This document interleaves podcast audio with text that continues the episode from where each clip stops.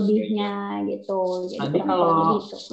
eh, ini Bu, kalau misalnya misalnya korban yang kena Ya. body shaming, terus dia sudah ngedown gitu Bu, ada cara cara selain yang tadi nggak sih? Maksudnya selain bersyukur, selain semangat. Kan Ya. kalau sudah ngedown kan sangat sulit ya untuk untuk comeback gitu ya. Untuk Betul, betul. Mm. Betul, apalagi kalau pola-polanya udah self harm gitu ya, udah nyakitin diri Hmm. sendiri, pikiran negatif itu sangat sulit dirubah. Nah, memang kita perlu mencari pertolongan orang lain ya. Jadi cipt- ciptakan eh, support system sebenarnya. Jadi kita perlu juga membicarakan hal ini pada orang lain ya. Tapi pastikan orang lain itu adalah orang lain yang memahami. Jangan malah kemudian ikut-ikutan juga membuli gitu Malah ya, gitu. nambah-nambahin. Malah nambah-nambahin gitu ya. Nah, itu yang yang kita sebenarnya perlu bijak ya, mencari teman bicara gitu ya memang riskan banget kalau kita bicara isu kesehatan mental ya karena banyak orang juga nggak paham bagaimana mengatasinya. Ketika Hmm. kita cerita sama orang lain misalnya, "Eh, aku dibilangin gendut loh, padahal kan aku sebenarnya beratku nggak naik, gini-gini aja kok, dari kemarin juga stabil di angka segini."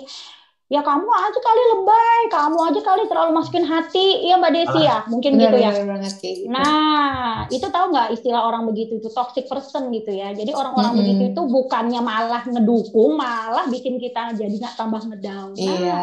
kita kadang perlu hati-hati. Memang tidak semua orang itu bisa menerima curhatan tentang isu-isu kesehatan mental gitu ya. Karena bagi mereka tuh udahlah banyakin ini aja, banyakin ibadah, Doa. misalnya gitu juga Iya. Yes, banyakin doa.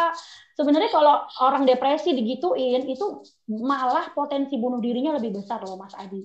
Karena dia Hmm. merasa di judgment. Oh, berarti saya tuh selama ini nggak ibadah. Berarti saya ini Hmm. dibilang kurang sholat kalau saya ya. Atau saya kurang ke gereja gitu. Nah, itu malah jadi tambah ngedownin si depresi tadi ini malah gitu tambah ya. pasrah gitu. Yes, akhirnya malah ngerasa oh ya emang kayaknya aku karena jauh nih dari Tuhan. Ya udah akhirnya dia bunuh diri. Nah, itu kasus-kasus yang banyak banget masuk ke praktek. Jadi sebenarnya kita juga perlu berhati-hati ketika kita ingin sharing masalah seperti ini yang sensitif.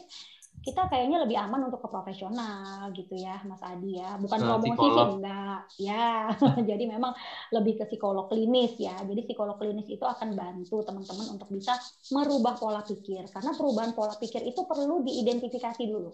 Jadi kita biasanya lakukan teknik CBT. Nah, cognitive behavior therapy. Nanti boleh searching deh di internet gitu ya. Apa itu CBT? Jadi CBT itu adalah psikoterapi, jenis terapi yang dilakukan oleh psikolog klinis untuk membantu merubah mindset pola-pola berpikir gitu ya. Jadi cognitive behavior perilaku gitu ya. Jadi dari kognitif, kognitifnya adalah saya gendut. Akhirnya perilakunya adalah saya diet ekstrim. Apa yang terjadi?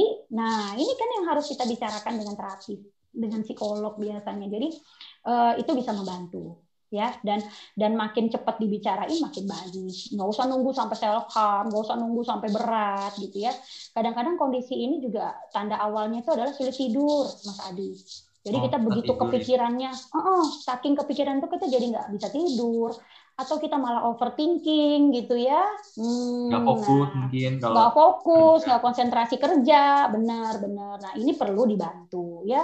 Jadi datanglah ke psikolog gitu ya, minta bantuan profesional dan ini jalurnya lebih tepat daripada kita ngobrol ke keluarga. Kadang-kadang keluarga juga toksik kan, ya ah kamu gitu aja dipikirin gitu ya, ah kamu gitu aja lebay ya. Itu toxic positivity namanya. Yes, yes, benar banget, Mas Rian. Jadi toxic positivity itu ada di sekitar kita kan. Jadi kita perlu bijak memilah dan memilih. Plus juga di dunia era digital saat ini gitu ya, di mana-mana kita juga terhubungnya kan sekarang dengan platform online gitu ya. Kita juga kebanyakan semua dilakukan dengan media sosial misalnya gitu ya. Nah, kita sering banget dapat serangan juga di media sosial. Nah, jadi teman-teman seperti Mas Rian nih kalau punya akun YouTube kan dia harus tahan banting ya Mas Rian ya kalau nerima komentar gitu ya. Jadi mungkin bisa off comment. Nah, jadi itu lakukan cara-cara yang Biasanya aku rasional. nge-blok-blok gitu sih. Nah, iya iya iya. Tapi Kalau di blog-blog tetap muncul ya. Jadi kan kadang-kadang di fitur YouTube gitu ya.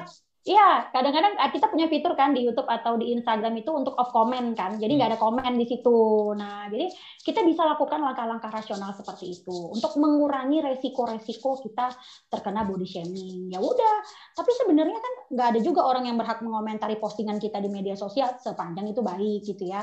Jangan juga kita posting aneh-aneh gitu ya, karena ada UU ITE gitu ya. Jadi sepanjang kita misalnya selfie gitu ya dan tidak merusak dan tidak melecehkan, tidak mengganggu siapa pun, orang lain nggak berhak komentar sebenarnya loh ya.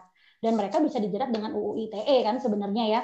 Tapi itu tadilah gitu ya masyarakat kita ini netizen netizen ini ada aja gitu ya. Sebenarnya para netizen yang suka nyerang komentar fisik itu sebenarnya menutupi inferioritas mereka. Jadi mereka yang suka body shaming ke orang lain itu sebenarnya proyeksi mereka sendiri gitu loh Nah, ini yang perlu kita pahami. Jadi mindsetnya masukin di situ bahwa ketika kita diolokin oleh seseorang bisa jadi dia emang iri sama kita. Dia sirik aja sama kita gitu ya. Ya udah itu mindset itu biasanya membantu. Dan mereka kadang-kadang punya punya mental health issue juga gitu ya. Sehingga mereka mudah sekali berkomentar jahat. Nah, orang-orang yang berkomentar jahat itu sebenarnya gangguan nggak sih? Ya gangguan, gitu kan? Nah, jadi siapa punya yang sendiri ya bu ya? Yes, punya isu para punya pelaku bullying Yes, para pelaku bullying pun tuh sebenarnya kalau dalam konteks psikologi mereka juga perlu diterapi kan. Kenapa mereka harus begitu sih?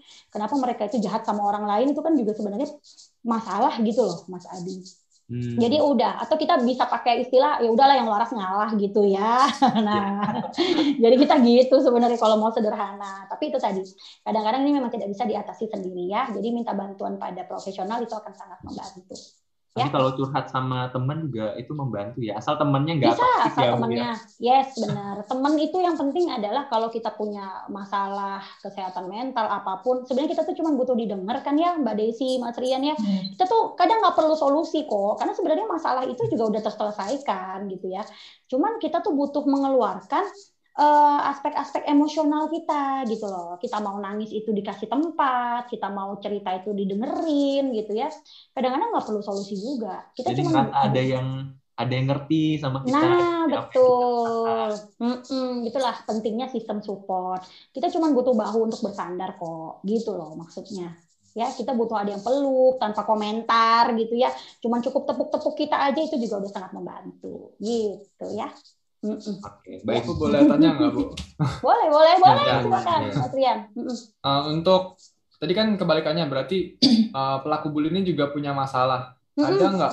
Uh, terus aku juga merasa mereka tuh mungkin ya merasa uh, di atas atau superior gitu. Yes. Beneran ada nggak klien yang ngebully tapi mampir ke tempat ibu untuk uh, ditangani gitu? Dan biasanya tips apa apa yang hal pertama yang ibu kasih tahu ke dia? Oke, pertanyaan Mas Rian bagus banget ya, menarik banget. Kebanyakan memang yang datang ke saya itu korban ya, tapi tidak tidak tidak menutup kemungkinan ada pernah beberapa kali yang memang dia ngaku bahwa saya itu pelaku bullying, Bu. Jadi saya itu kalau nggak nyakitin orang lain itu saya ngerasa ada yang hilang dari diri saya. Sebenarnya akhirnya banyak juga di, diidentifikasi bahwa pelaku-pelaku bullying ini memiliki sifat-sifat antisosial. Nah, ini yang berbahaya. Jadi mereka tuh kadang-kadang memang jahat aja, ada sistem limbik di belakang otaknya itu yang nggak bekerja. Jadi empatinya juga nggak ada pada orang lain gitu ya. Dan guess what? Saya pernah nanganin kasus uh, kejahatan yang memang akhirnya setelah diperiksa dia psikopat. Jadi memang dia ngebunuh ya waktu itu ya.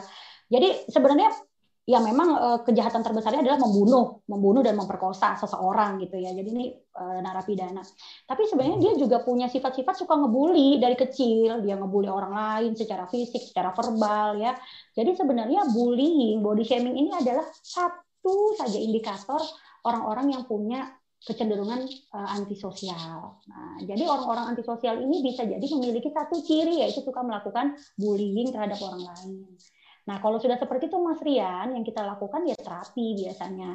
Tapi kalau dibawa oleh pihak ketiga, misalnya polisi gitu ya, atau dibawa oleh pihak-pihak berwajib, biasanya kita hanya lakukan asesmen karena mereka itu kan biasanya udah disangkakan pasal ya, pasal pembunuhan, pasal pemerkosaan, pasal pasal-pasal berat lah ya. Jadi mereka biasanya dipenjara. Tapi kalau ke psikolog pun kita juga biasanya lakukan terapi. Nah, jadi gitu Mas Rian. Jadi ya memang mereka punya rasa superior. Mereka tuh ingin menunjukkan bahwa mereka itu superior. Tapi sebenarnya kalau kita gali dalamnya, mereka itu merasa inferior. Mereka merasa nggak berharga. Mereka merasa uh, mereka itu nggak nggak nggak berarti apa pun sehingga dia harus berbuat jahat pada orang lain untuk mendapat atensi atau hmm. perhatian. Nah, oh, perhatian gitu ya? Yes, gitu. Nah, jadi kesannya, kelihatannya dilihat orang kan dia superior, padahal sebenarnya enggak gitu loh, ya sebenarnya enggak. Jadi itulah pelaku pelaku bullying itu mengapa saya katakan mereka juga perlu di rehabilitasi, perlu juga diterapi gitu ya. Jadi korban, pelaku, saksi gitu ya, saksi bullying ini juga kadang-kadang juga perlu kita intervensi. Tapi kalau kaitan body shaming ini kan biasanya personal ya, biasanya antar dua orang gitu ya, ada pelaku, ada korban. Apalagi kalau online itu juga sebenarnya kalau online itu banyak juga kan yang jadi saksi ya. Kalau kita kebetulan dia komen di post kita, teman-teman kita baca sebenarnya mereka saksi juga kan. Nah, kadang-kadang saksi juga bisa merasa takut loh akan juga terkena dampak. Nah, ini yang yang kita bicarakan, tapi konteksnya lebih luas ya, gitu. Ya, jadi pertanyaan Mas Rian begitu ya, Mas Rian ya. Uh, saya masih belum dapat yang. Ah, gimana gimana? Apa yang ibu akan sampaikan kepada dia? Hmm, biasanya tata laksana yang kita lakukan itu pertama adalah juga kita asesmen. Kita asesmen apa sih sebenarnya perilaku khusus atau spesifik yang dia lakukan. Kita nggak tanya kenapa biasanya Mas Rian. Hmm. Karena mereka sendiri pun sebenarnya nggak mau jujur dulu pasti karena namanya pelaku pelaku ini kan punya defend ya dia punya punya mekanisme pertahanan diri nggak mungkin dia tiba-tiba ngaku bu saya tuh hobi banget loh ngebully orang. Nggak nggak nggak bakal begitu. Biasanya kan dia dibawa pihak ketiga tadi. Saya bilang tak perlu hak berwajib atau keluarga gitu ya. Nah ini yang biasanya akan sulit kalau kita langsung tanya. Jadi kita biasa lakukan tes juga mas Rian. Nah, kalau kita lakukan tes, baru kita ketahuan nih, oh ternyata nih orang punya potensi-potensi menyakiti orang lain, misalnya gitu. Baru biasanya kita lakukan tes itu nanti terungkap need-nya, kebutuhan dia itu apa. Jadi kadang-kadang ada alasan di balik itu ya, Bu. Hmm. Ya. Cari betul. alasannya ya ternyata ya. Betul. Tapi kalau ditanya secara langsung, dia kan bisa bohong gitu loh. Dia biasa mengelak Pasti menutup nutupi gitu. ya. Menutupi. Nah, menutup nutupin ini kalau ke psikolog nggak nggak bisa, pasti ketahuan gitu ya. Karena kita hmm. punya metode tertentu untuk mendeteksi itu, entah kebohongan secara verbal atau kebohongan yang tidak dia sadari dengan metode gambar misalnya ya.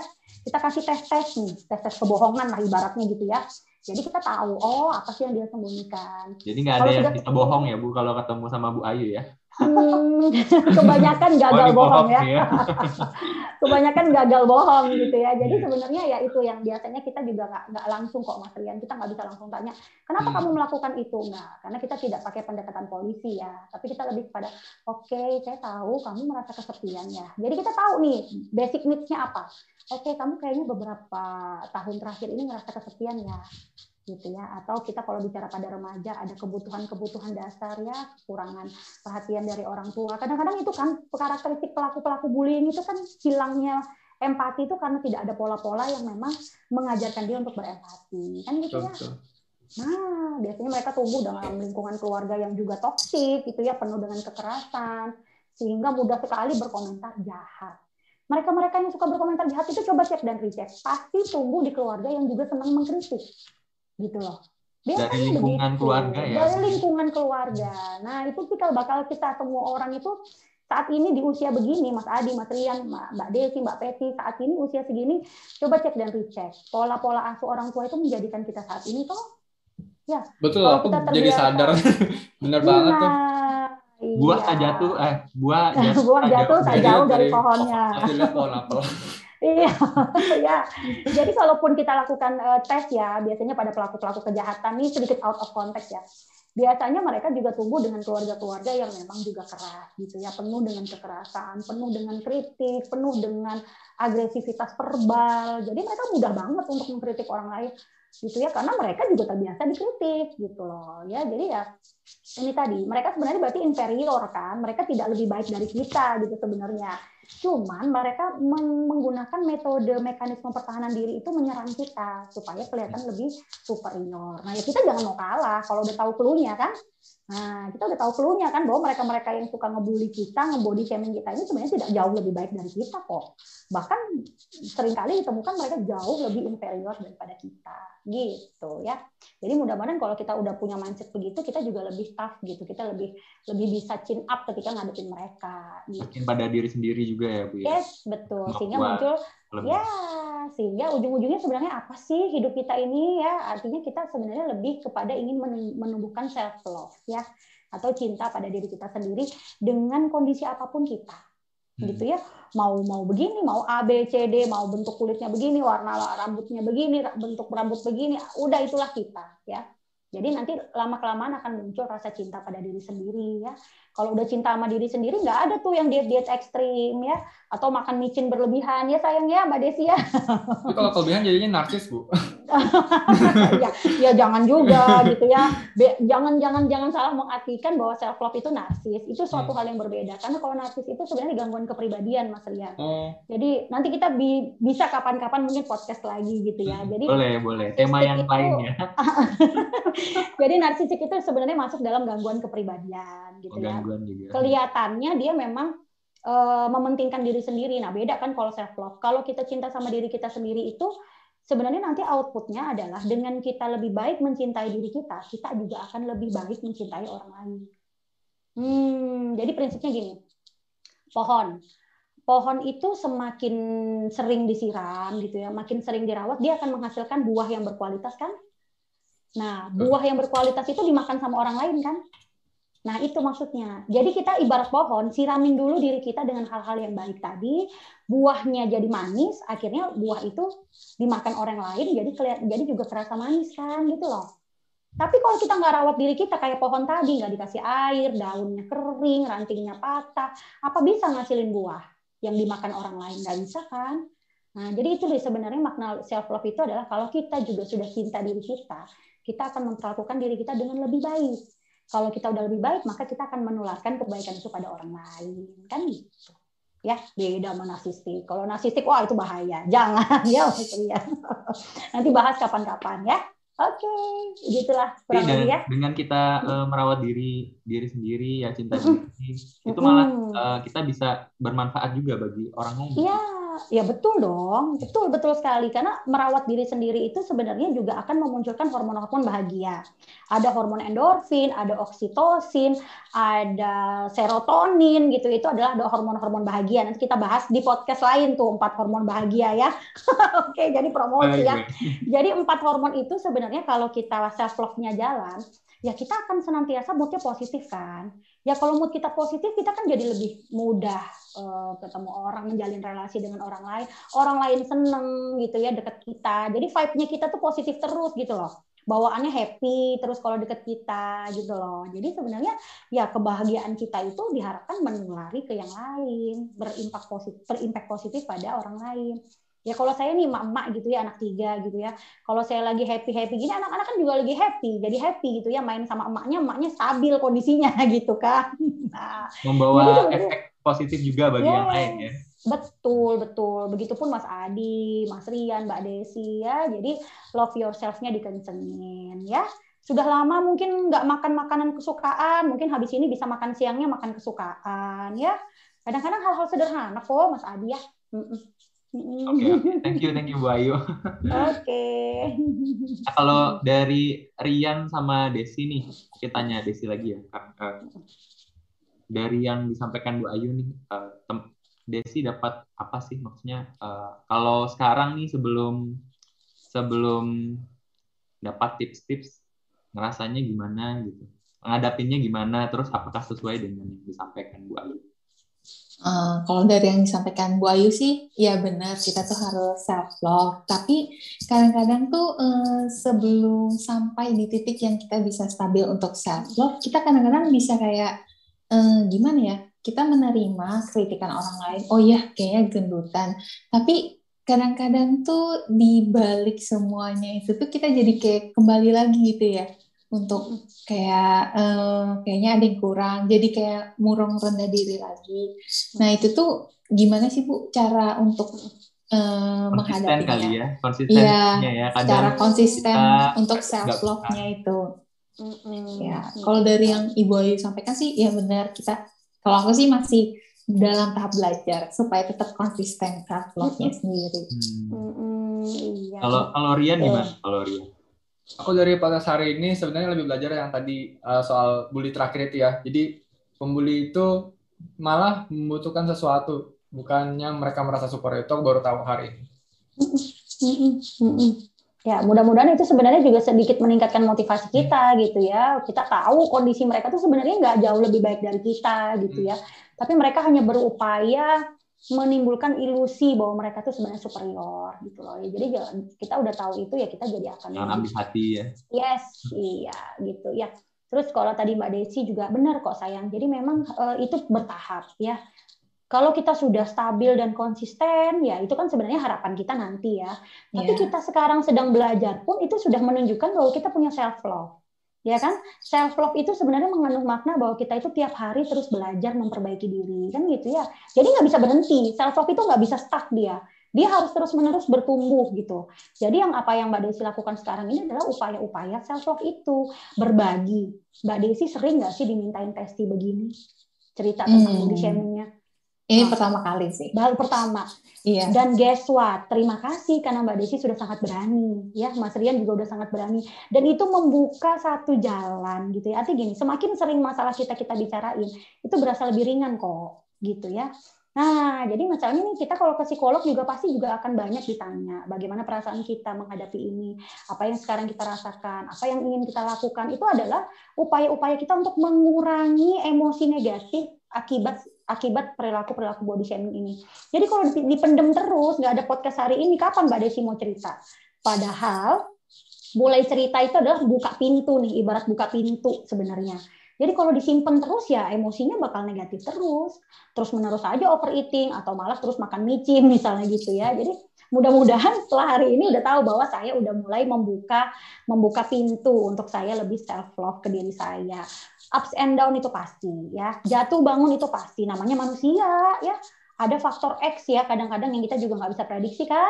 Mood nggak stabil PMS tadi juga diomongin tuh. Ya hmm. kalau PMS iyalah kalau jelang-jelang PMS juga rasanya mau ngamuk iya. nggak apa-apa ya. Tapi kita yang penting itu adalah gini kita punya identifikasi sayang Mbak Desi Mas Rian. Jadi kita tuh kalau kalau kita mau konsisten kita buat pencapaian tiap hari gitu ya. Jadi sebenarnya Mbak Desi apa sih targetnya? Misalnya ternyata emang ngerasa mungkin saya beratnya agak lebih gitu ya, agak naik misalnya 2 kilo. Ya udah lakukan upaya konsisten tiap hari untuk mencapai berat badan ideal yang kita inginkan gitu ya. Sesekali mau makan enak, mau cheating day tiap satu ya nggak apa-apa, nggak usah terlalu strict gitu loh ya. Yang penting memang itu kita ngelakuinnya happy, ngelakuinnya enjoy, do what you love aja ya Kalaupun ngerasa nggak apa-apa lah naik 2 kilo ini nggak apa-apa juga, ya udah nggak apa-apa gitu ya. Nggak ada juga orang yang harus mewajibkan Mbak Desi turun 2 kilo, emang ada? Nggak ada kan? Itu kan sebenarnya standarnya Mbak Desi sendiri gitu ya. Nah, jadi udah kita tuh kadang-kadang kalau dengar kata orang emang melelahkan ya. Gitu ya, ah kamu kurang ini, kamu kurang ini, kamu harus begini, kamu harus malah ya Bu ya. Iya. Yes, ada betul. aja ya. Betul. Udah begini akhirnya, di komen ini, udah hmm, begini di komen itu ya. Jadi akhirnya apa kita? Hidup untuk jadi people pleasernya orang lain. Nah, people pleaser lagi nih konteksnya ya. Nanti podcast yang lain ya. Lanjut lagi ya, Sudah terkumpul ya ada tiga podcast setelah ini ya. Ada narsis.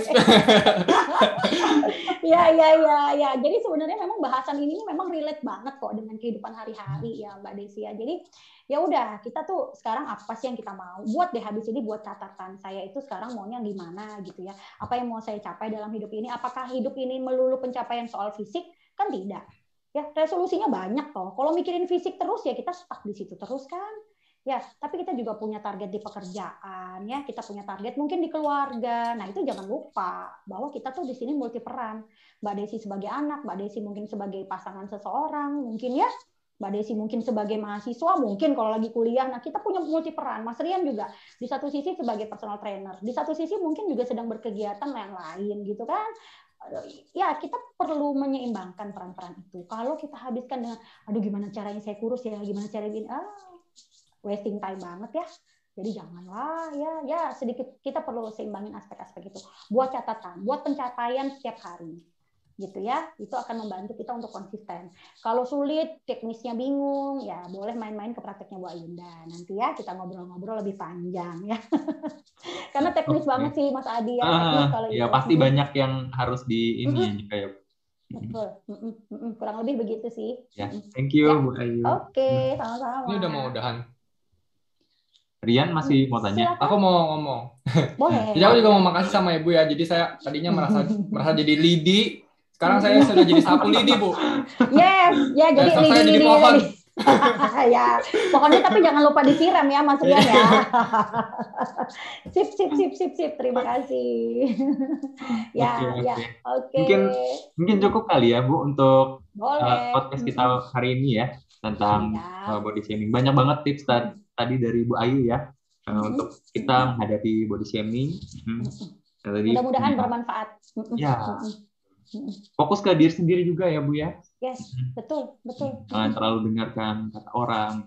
Body, khususnya body shaming ya. Yes, kadang-kadang juga saya bisa ngomong ke klien saya, coba pakai kacamata kuda ya. Lihat aja apa yang ada di depan, gak usah lihat kanan kiri. Pakai aja kacamata kuda, dan itu berhasil kok sesekali waktu ya. Karena Jadi banyak hal waktu. hal yang lain juga ya, yang penting selain kita mikirin apa yang dikatain Kata orang. orang. Hmm. Betul. Jadi Kerjaan berhentilah ya. menjadi people pleaser ya, berhenti menjadi people pleaser ya do what you love, love what you do ya, love yourself-nya dikencengin, banyak-banyak ya ber berpikir bahwa hidup ini tidak hanya untuk kata orang ya, tapi lebih kepada diri kita sendiri gitu ya.